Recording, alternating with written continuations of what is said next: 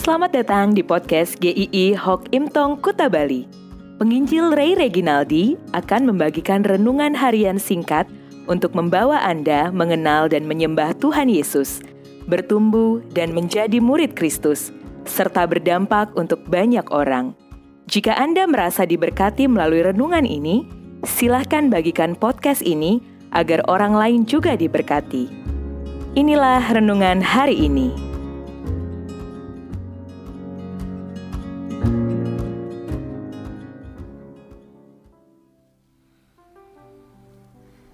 Pesta Sang Raja bagian 4. Matius 22 ayat 1 sampai 14. Satu kali saya mendengar seorang bercerita bahwa temannya mendapat undangan dari istana presiden, dari Presiden Jokowi untuk hadir ke istana presiden. Wow, betapa girangnya orang ini. Dia sudah bersiap-siap sehari sebelumnya dengan sangat antusias namun sayang sekali ketika dia bangun di hari H itu. Betapa terkejutnya dia ketika melihat jam. Dia terlambat bangun. Tetapi dia bergegas memakai baju dengan kilat lalu langsung tancap gas ke istana. Ya seperti yang sudah diperkirakan, dia dicegat oleh petugas keamanan. Sekalipun berkali-kali dia menjelaskan bahwa dia diundang dia tidak diizinkan masuk karena dia sudah terlambat. Sayang sekali, bukan? Kesempatan yang mungkin datang hanya sekali seumur hidup melayang begitu saja karena kelalaian sendiri. Apakah kita yang diundang oleh Sang Raja dan telah menerima undangan itu? Jika kita lalai, kita akan ditolak juga oleh penjaga pintu surga Kristus bukan hanya mengundang, Kristus adalah undangan itu sendiri. Kristus berkata, Kristus mengundang, marilah kepadaku yang letih lesu dan berbeban berat. Kristuslah jalan masuk ke pesta itu. Akulah jalan dan kebenaran dan hidup.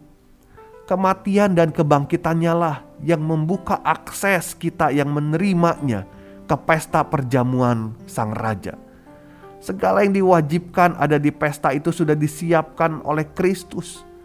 Menerima Kristus otomatis kehadiran kita di pesta itu tidak akan ditolak. Kristuslah yang memastikan kita diterima di perjamuan pesta itu. Wahyu 19 ayat 9. Lalu ia berkata kepadaku, tuliskanlah berbahagialah mereka yang diundang ke perjamuan kawin anak domba betapa berbahagianya menerima undangan Kristus karena kita dipastikan akan masuk ke dalam pesta itu. Bukan karena kegigihan kita mempertahankan diri untuk tidak lalai. Siapa yang tidak pernah tidak lalai dalam hidup ini? Bahkan setelah kita menerima Kristus, kita bisa lalai dalam hidup ini. Tetapi karena Kristus sudah menjamin kita 100%, kita akan tetap masuk di dalam pesta itu.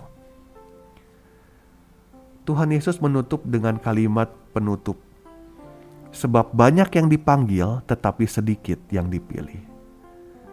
Pesta Anak Domba Allah sudah menanti, undangan sudah disebarkan. Begitu banyak orang yang sudah menerima undangan ini, tetapi hanya sedikit yang mau menerima undangan itu. Anda diundang Tuhan Yesus untuk masuk ke dalam pesta akbar di kekekalan. Apakah Anda menerima undangan itu atau menolaknya? Maukah Anda memakai baju pesta yang sudah disiapkan? Banyak yang dipanggil, tetapi sedikit yang dipilih. Sampai jumpa di episode selanjutnya. Tuhan memberkati.